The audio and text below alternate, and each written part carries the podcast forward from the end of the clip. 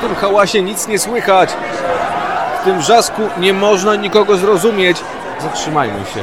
Porozmawiajmy. To kto? Zapraszam do rozmowy. Człowiek wielu twarzy. Jedna z nich to aktywista, były polityk, współorganizator największych manifestacji w kraju, z łatwością przemawiający do tłumu i porywający ten tłum.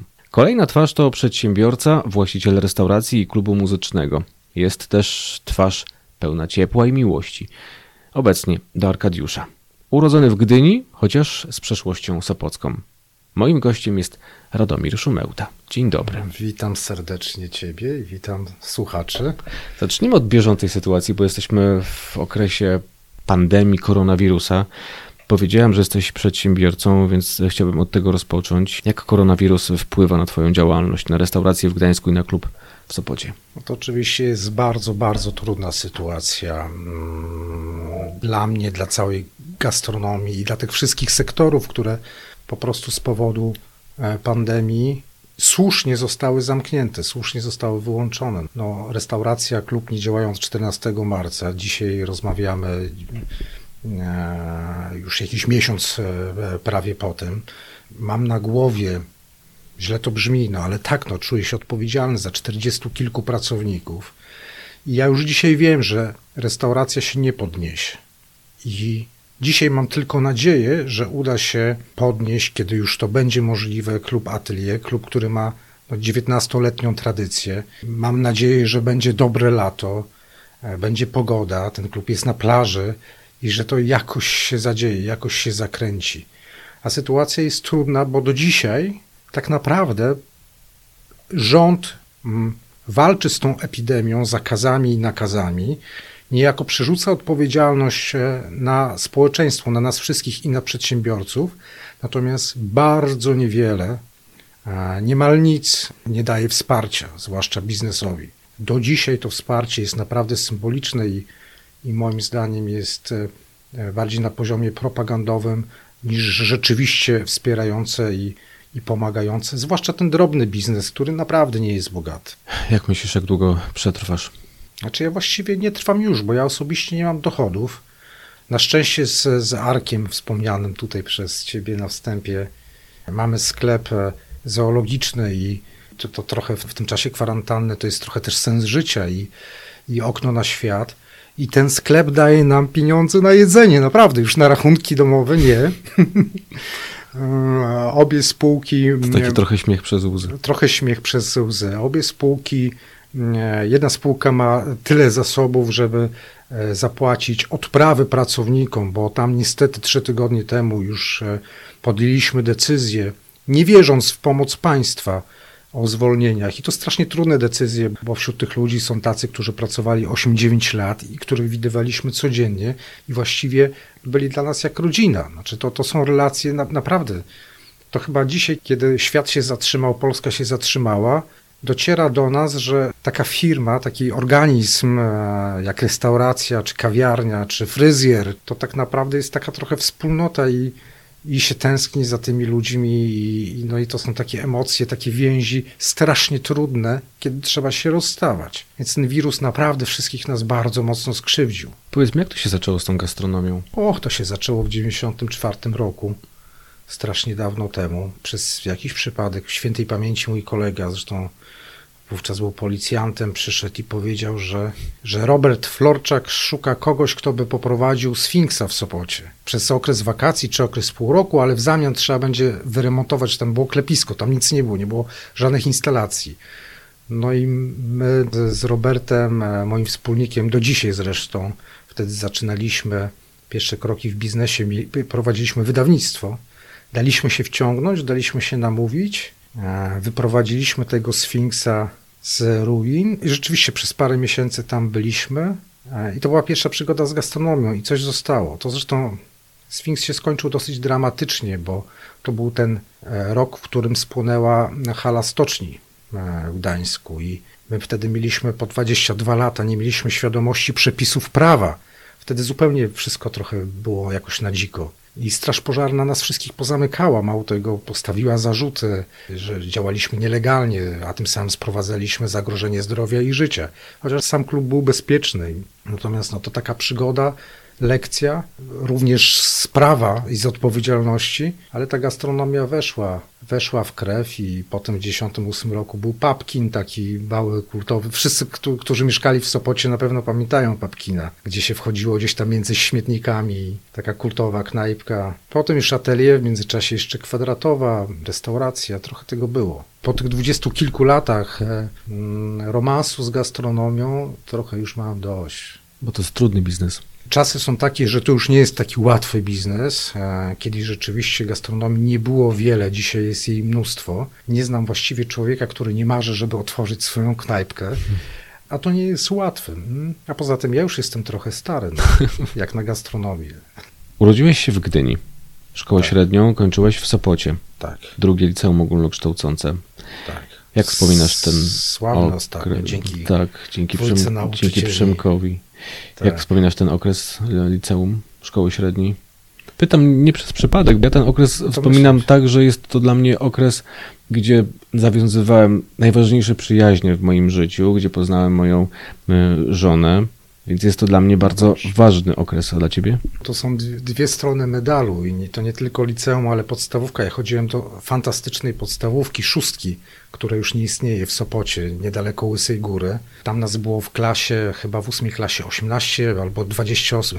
Bardzo kameralne warunki, świetne, świetna szkoła, las obok.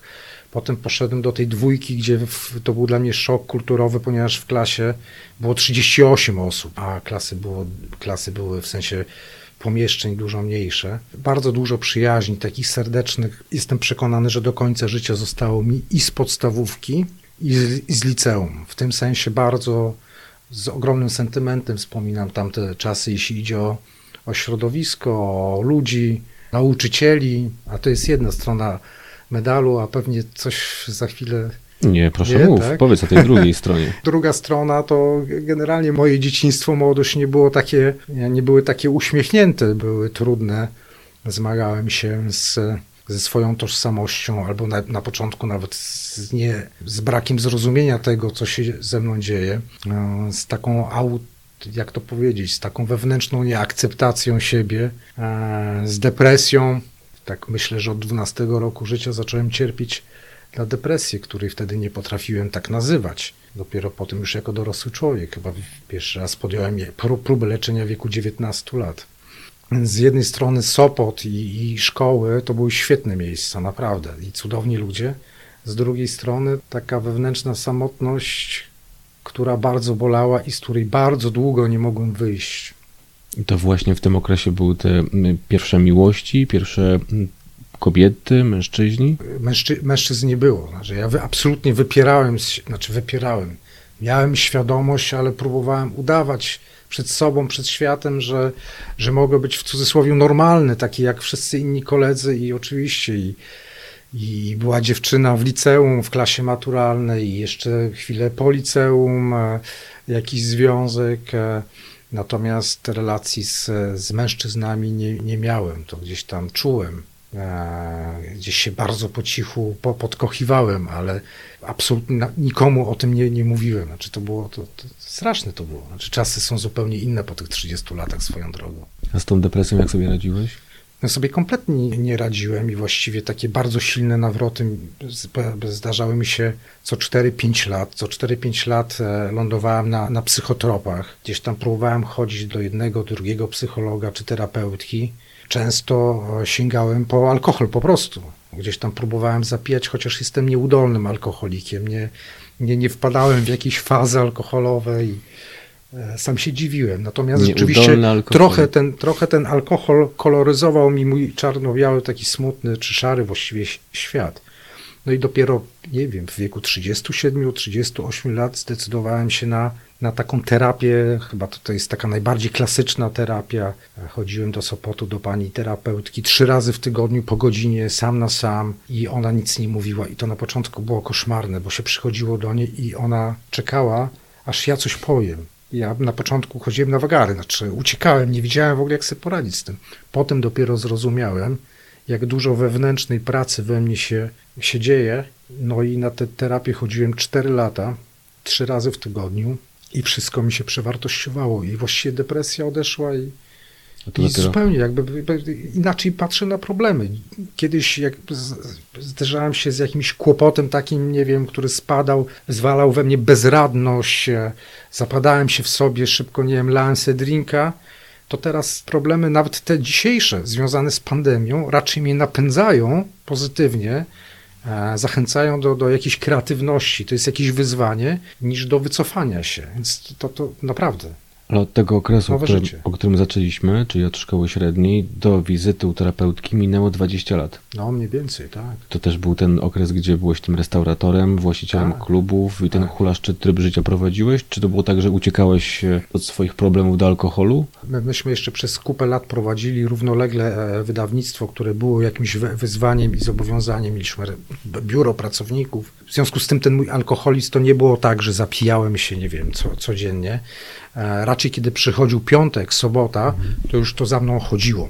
Rzeczywiście ten alkohol za mnie, za mną chodził i ja sobie nie wyobrażałem, jak spędzić weekend na trzeźwo. To było to koloryzowanie świata. Mm, no i tak było przez kupę lat. No, przychodził weekend. A oczywiście, jak wpadałem w takie głębsze dołki, to zdarzało mi się tak, nie wiem, przez tydzień popijać, nie zapijać się na, na śmierć. Nie, nie lądowałem gdzieś tam w, w krzakach czy w rowach, Natomiast popijałem i, i, płakałem sobie i wtedy się izolowałem trochę przed światem. Natomiast to się zdarzało rzadko.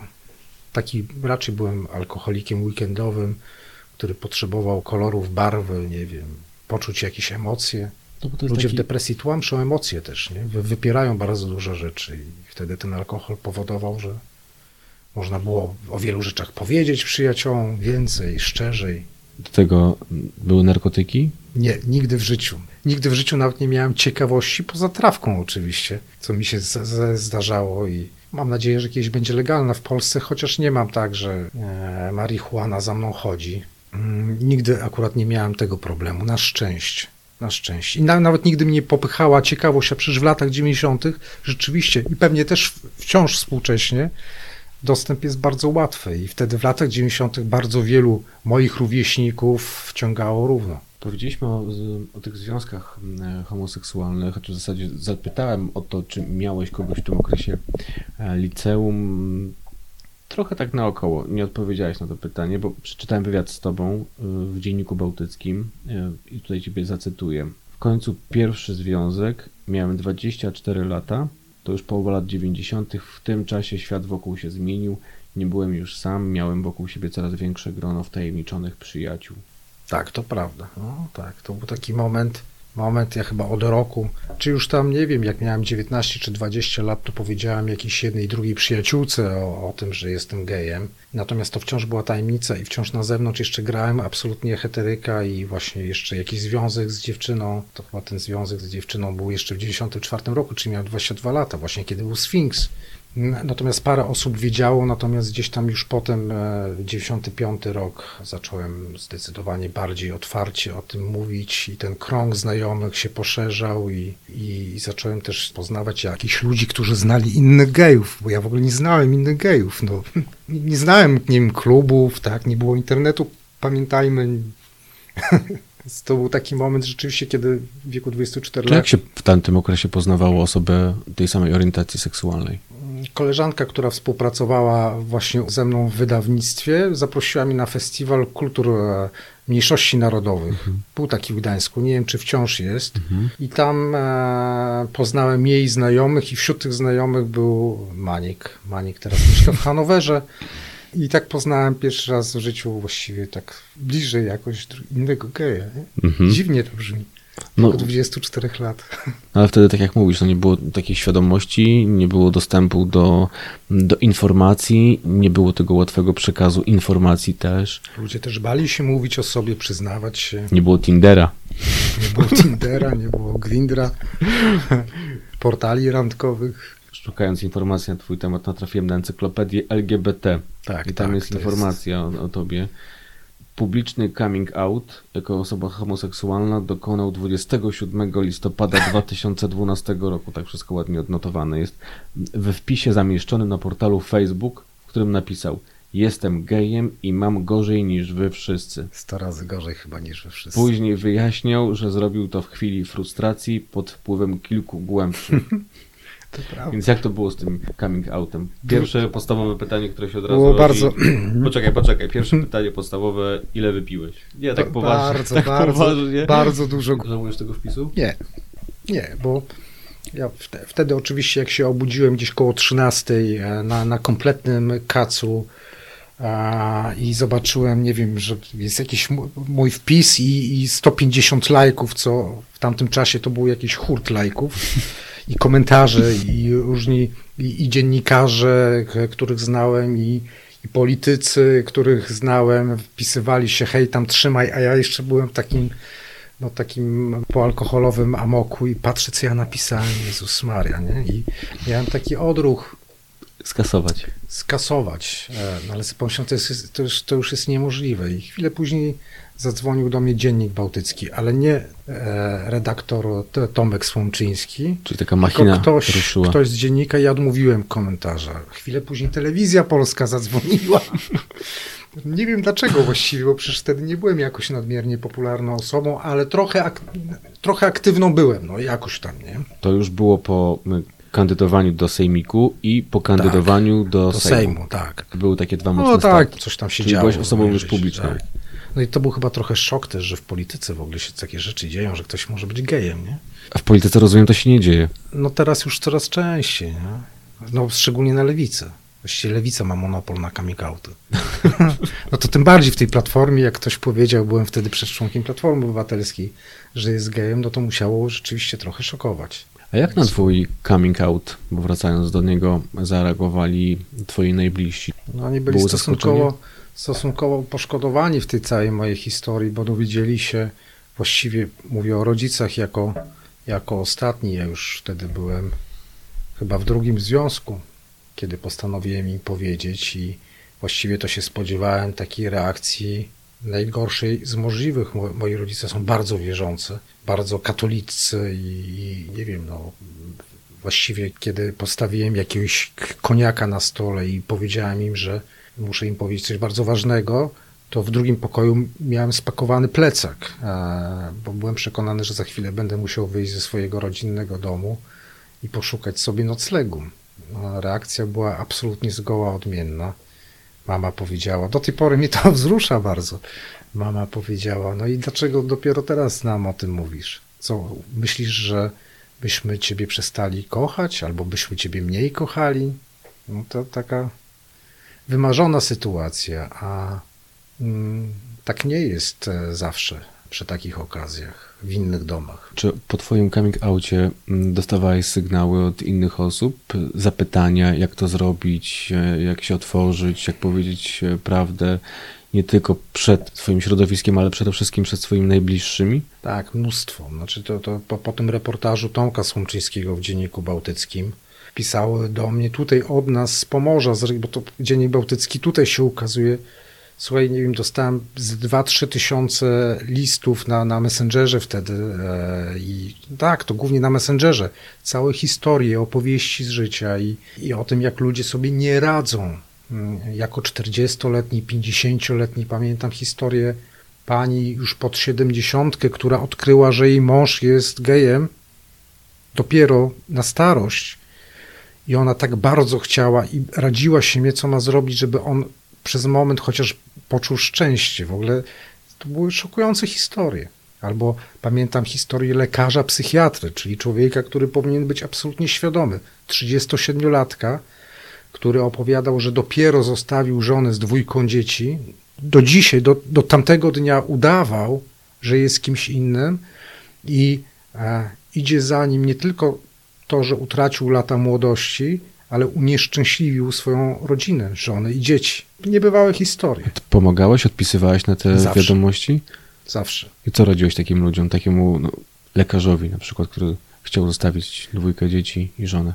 A on już zostawił, e, zostawił te dzieci i żonę, natomiast no trochę, wchodziłem trochę w rolę spowiednika, nigdy nie starałem się doradzać, bo, no bo jak doradzać? Ka- Każda historia jest indywidualna, ale jakby gdzieś tam czatowałem, e, dawałem wsparcie, już tak detalicznie dzisiaj nie opowiem, bo ja też wtedy byłem inny, to był właśnie moment, mm, ten mój coming out po pijaku zdarzył się w trakcie tej terapii, na którą chodziłem mi się wszystko przewartościowało, ale wtedy byłem taki w ogóle wewnętrznie rozczulony, być może nawet nadwrażliwy, a więc dużo uwagi poświęcałem tym ludziom. To dla nich było pewnie jakoś ważne. To są te pozytywne strony, czyli ludzie zwracają się do ciebie, oczekują od ciebie pomocy, wysłuchania właśnie. Kiedyś tak było, dzisiaj już nie. Znaczy kod zmienił w ogóle całkowicie. To zaraz do polityki przejdziemy, tylko jeszcze wrócę do tego wątku, dlatego że mówię, są pozytywne strony, ludzie się do ciebie zwracają, chcą od ciebie pomocy, ale z drugiej strony po twoim coming outie jest hejt, jest nienawiść. Jak sobie z tym radziłeś? Na początku to był szok, bo normalny człowiek nie, nie zderza się z hejtem. Jakoś, no może dzisiaj, nie wiem, dzieci, słyszałem, że to jest problem w wieku szkolnym, no ale no w życiu dorosłym nawet jak mamy profil na Facebooku i jesteśmy raczej grzeczni, no to nie zderzamy się z hejtem, a tutaj rzeczywiście jakiś masowy hejt, obrzydliwe komentarze, czy właśnie w, w, w tych mediach, które o mnie pisały, czy ze mną rozmawiały. No, no bardzo osobiście to czułem. To, to, to, to była trudna lekcja dla mnie. Ja tego nie rozumiem. Dlaczego ludzie bez, bezinteresownie, nie znając mnie, nienawidzą mnie?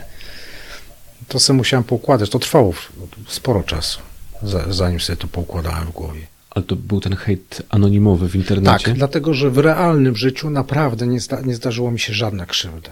Żadna przykra uwaga, e, e, już na pewno nie ze strony bliskich, ale no, absolutnie. Nie wydarzyło się nic niemiłego. Chyba, że znalazłem się na przykład e, na Uniwersytecie Gdańskim z Robertem Biedroniem na debacie o związkach partnerskich i zderzyliśmy się z Młodzieżą Wszechpolską i ONR-em, no to tak, no a to już jest trochę polity, bardziej polityczny hejt. Albo na pogrzebie Inki i Zagończyka. No to już było kupę lat później, to już był okres kodu. Tak już ten temat poruszyliśmy, tego pogrzebu, co tam się dokładnie wydarzyło? Naprawdę zostałeś pobity, zaatakowany? Ja byłem spóźniony, kiedy e, tam msza już się odbywała. Ja wszedłem nie wiem, 40 minut później, wcześniej mieliśmy jakieś spotkanie. Przypomnijmy, to było w Bazylice Mariackiej. Tak, był rok 2016, bodajże 28-27 sierpnia, nie pamiętam dokładnie. Państwowe nabożeństwo, państwowa msza z udziałem Andrzeja Dudy, premier Szydło i taka bardzo oficjalna i ja z tą Bazyliką Mariacką mam takie poczucie, że jestem związany od dzieciństwa jako gówniarz kilkunastoletni i w kościele świętej Brygidy i w Bazylice Mariackiej, bo tam przy takich okazjach jak 3 maja odbywały się msze za ojczyznę. Zawsze byłem i potem żeśmy sobie pobiegali zawsze z zomowcami, znaczy oni nas gonili, myśmy uciekali. To są historie, które też zaczynałem w wieku 12-13 lat. I sobie pomyślałem, że to jest też moje święto. Znaczy ja w ogóle nie rozumiem, dlaczego jedna strona polityczna zawłaszcza sobie jakieś symbole, nazwiska, jakąś historię. Ja chciałem być tam. Chciałem tam być, a jeszcze miałem taki sygnał od moich ludzi z kodu, wśród których jest wielu ludzi bardzo wierzących, że oni też chcą być na tej mszy. Ja się spóźniłem, e, wchodziłem sam na plac, jako że to było dzień po wyborach przewodniczącego e, regionu tutaj na Pomorzu, więc dużo szumu medialnego było wokół mnie. Wchodząc na ten plac zostałem natychmiast rozpoznany. Otoczyło mnie 20, tak, to tak pamiętam, 20 chłopa o, o dość bandyckim e, wyglądzie i nie chcieli mnie przepuścić, a ja we mnie wstąpił, to też takie nowe doświadczenie, bo myślałem, że wtedy się ucieka. We mnie się obudził taki zadzior i mówię, nie, ja idę, to jest moje obywatelskie prawo, ja mam prawo tutaj być. I szedłem na nich. I to ta szamotanina trwała pewnie z dwie, trzy minuty, z, zanim pojawili się tajniacy i, i tą sytuację Oberwałeś, oberwałeś czy Oberwałem, ale to, to, to jak już policjanci mnie przeprowadzili do mojej grupy, okazało się, że krwawie. I to dosyć obficie krwawie. Co na szczęście w zeszłym roku potwierdził sąd. To widać zresztą, jak jestem opatrywany na jednym z filmików nakręconych notabene przez jakiegoś narodowca. To nie była jakaś głęboka rana, natomiast bardzo obficie krwawiąca na pewno. A propos tego sądu właśnie, o którym zacząłeś coraz częściej Radomira Szumełdę spotykam właśnie na sali sądowej. Co tam cię ciągnie? No, no mnie nic nie ciągnie. Ale no rzeczywistość Coś jest... tam cię ciągnie? Rzeczywistość jest taka. No akurat ta sprawa, o której przed chwilką mówiłem, wytoczy, została no wytoczona przez Młodzież Wszechpolską. Jest telewizja no I to w, w ogóle przez, przez Polsat no tak się wydarzyło, bo do Polsatu powiedziałem słowa, które zabolały Młodzież Wszechpolską. Natomiast no, potem ja czułem się jakoś poszkodowany, czy to przez radnego Guzikiewicza, który gdzieś tam e, nie potrafi panować nad swoimi rękoma i gdzieś tam próbował mnie wynieść z sali BHP Stoczni Gdańskiej, czy czuję się, to wielokrotnie czułem się poszkodowany przez telewizję polską, na którą ostatnio poszły 2 miliardy złotych, a która e, kłamie absolutnie prawie na każdy temat, jeśli ten temat dotyczy kogokolwiek z opozycji. Polityk. Pełną gębą. A mówiłeś na początku, że politykiem razu, nie jesteś. Od razu czuć emocje. A jak to jest to, z tą właśnie polityką? Zawsze była moją pasją. Od dziecka. Kiedy się zaczęło to wszystko? No myślę, że jak miałem 6 lat. 6 lat u mnie w domu dziadek, który umarł jak miałem 6 lat, ale on wniósł taką tradycję, że się słuchało e, radia Wolna Europa, głos z Waszyngtonu czy BBC London, sekcję polską i ja ciągle tego słuchałem. No i tak jak miałem 8 lat, to się wydarzył sierpień 80 roku i no ja z, z moimi rodzicami na tym dzisiejszym placu Solidarności to pewnie nie wiem, dziesiątki godzin wystawałem i mnie to fascynowało. To było takie lato, w którym leciał serial, którego nikt nie pamięta, nazywał się Pogoda dla bogaczy. I w tym serialu były strajki. I ja za Boga nie rozumiałem, co to są te strajki, bo w Polsce przecież nie było strajków. No i ja zobaczyłem ten strajk tutaj w Gdańsku, który był właściwie takim świętem, czymś nie, niebywale podniosłym. I to mnie strasznie zafascynowało. I ja właściwie się wciągnąłem wtedy. W wieku dziewięciu lat uciekłem, mama nie chciała mnie puścić, uciekłem z domu uprzednio, wyjąwszy mamie z portfela chyba 20 złotych polskich. To była taka moneta, żeby pójść na człowieka z żelaza do kina w wieku dziewięciu lat. No i tak, tak, to, tak to zostało. Polityka jest moją pasją rzeczywiście, ale to wszystko, co się dzieje z nami, to jak przepływają te różne emocje w społeczeństwie. To jest naprawdę fascynujące. Natomiast to, co mnie boli w polityce, to to, że ona jest coraz bardziej używana dla czynienia dobra wspólnego. Dlatego ja się tak trochę źle w ogóle w tej polityce czuję, Ale takiej ta, aktywnej polityce. Ta polityka, jak prześledza twoją karierę, nie do końca ci wyszła. No w ogóle mi nie wyszło, kompletnie mi nie wyszło. Tam, gdzie mogłem Bo... być wybrany, to absolutnie przegrałem za każdym razem wszystko. Trochę w tym pecha jest oczywiście, bo w polityce... Dwa razy jak... nie dostałeś się do Sejmu, raz nie dostałeś się do Sejmiku. Trzy razy się nie dostałem do Sejmu. Dlaczego, Trzy razy dlaczego ci to nie wyszło? Z tym Sejmem to jest trochę tak, że startowałem za każdym razem z niezwykle trudnego okręgu wyborczego. Myślę, że gdybym startował w ostatnich wyborach z Gdańska. I co, chciałbyś tam być, jakbyś się dostał, tak? Na ja, ja w ogóle nie chciałem ostatnio startować. No, zresztą mówiłem o tym publicznie, miałem z tym problem, miałem takie poczucie, że zawaliłem przez kod kawał swojego życia zawodowego również. E, ale też kot ci to trochę wypromował. Kot mi trochę wypromował, ale za kot też płaciłem dużą cenę za to, co się stało z Mateuszem Kijowskim i ten wewnętrzny hejt, który musiałem e, jakoś przeżyć, który jest trudniejszy niż hejt od Nazioli, czy nie wiem, e, wyznawców Prawa i Sprawiedliwości. To było bardzo dużo, bardzo trudnych, bardzo złożonych emocji. Te wielkie manifestacje w Warszawie w lipcu 2017 roku, które rozpoczęły rozpoczęły chyba największy po 1989 roku taki obywatelski zryw w Polsce. Wyszło blisko milion ludzi w tamtych dniach, a myśmy o tym decydowali w 3-4 osoby i właściwie w takich warunkach chwilę po kryzysie z kijowskim. No jest lipiec, Jezu, a oni wprowadzają tę ustawę do, do Sejmu, no ale jesteśmy tym kodem, no to musimy coś zrobić, no to zróbmy ten wiec przed Sejmem, no i spróbujmy w tych miastach dużych zrobić o 20 tego samego dnia jakieś zgromadzenia.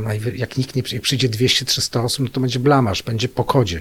No ale jak przyjdzie w tej Warszawie 2000 osób, to będzie uh, okej. Okay. A przyszło chyba o 15 i 30-40 tysięcy ludzi pod Sejm. Jak stoisz na scenie, przemawiasz do takiego tłumu, co czujesz? Energię. Bo ja wiem, co to jest za tłum. Ja wiem, co ten tłum ma w sobie za emocje, co ci ludzie mają w sercach. Ale uczysz się wcześniej przemowy? I tak, i, znaczy zdarza mi się, że sobie ją przygotowuję. No zdarzało mi się też, że, że miałem przygotowaną wręcz na kartce. Natomiast zdarzało mi się przemawiać zupełnie z głowy, będąc kompletnie nieprzygotowanym i właściwie chyba dwie takie naj, takie przemowy, gdzie ja czułem, że tłum to odebrał najlepiej, to były takie właśnie na spontanie totalnym. Ale ta energia rzeczywiście, która wraca, też rozumiem teraz mu- muzyków rockowych na przykład, czy w ogóle muzyków, artystów, wokalistów. Ja rozumiem, co to jest ta energia zwrotna, A, która miałeś idzie. też ochotę kiedyś, e, jak na takich koncertach wielkich, rzucić się na ten tłum, żeby cię No nieśli? nie, aż tak to nie.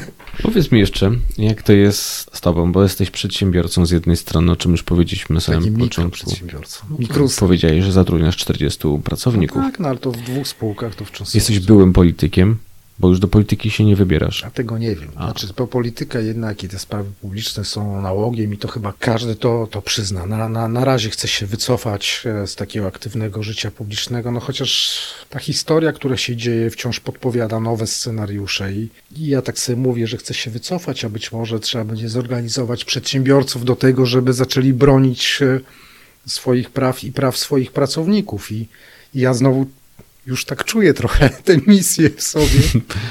Czy już się uruchamia ten... Ale, ale chciałbym. jakiś czas, polityk. No, czy działacz, bar- może ja Działacz, właściwie bardziej aktywista. działaczem jestem niż, no, chociaż to być w Polsce to w ogóle to są takie, Działacz się kojarzy. ale aktywista też mi się kojarzy tak sobie. A co lubisz robić w wolnej chwili? Bo wiem, że papierosy palisz, No, więc o aktywności fizycznej raczej mowy nie ma. a tu się zdziwisz. Och.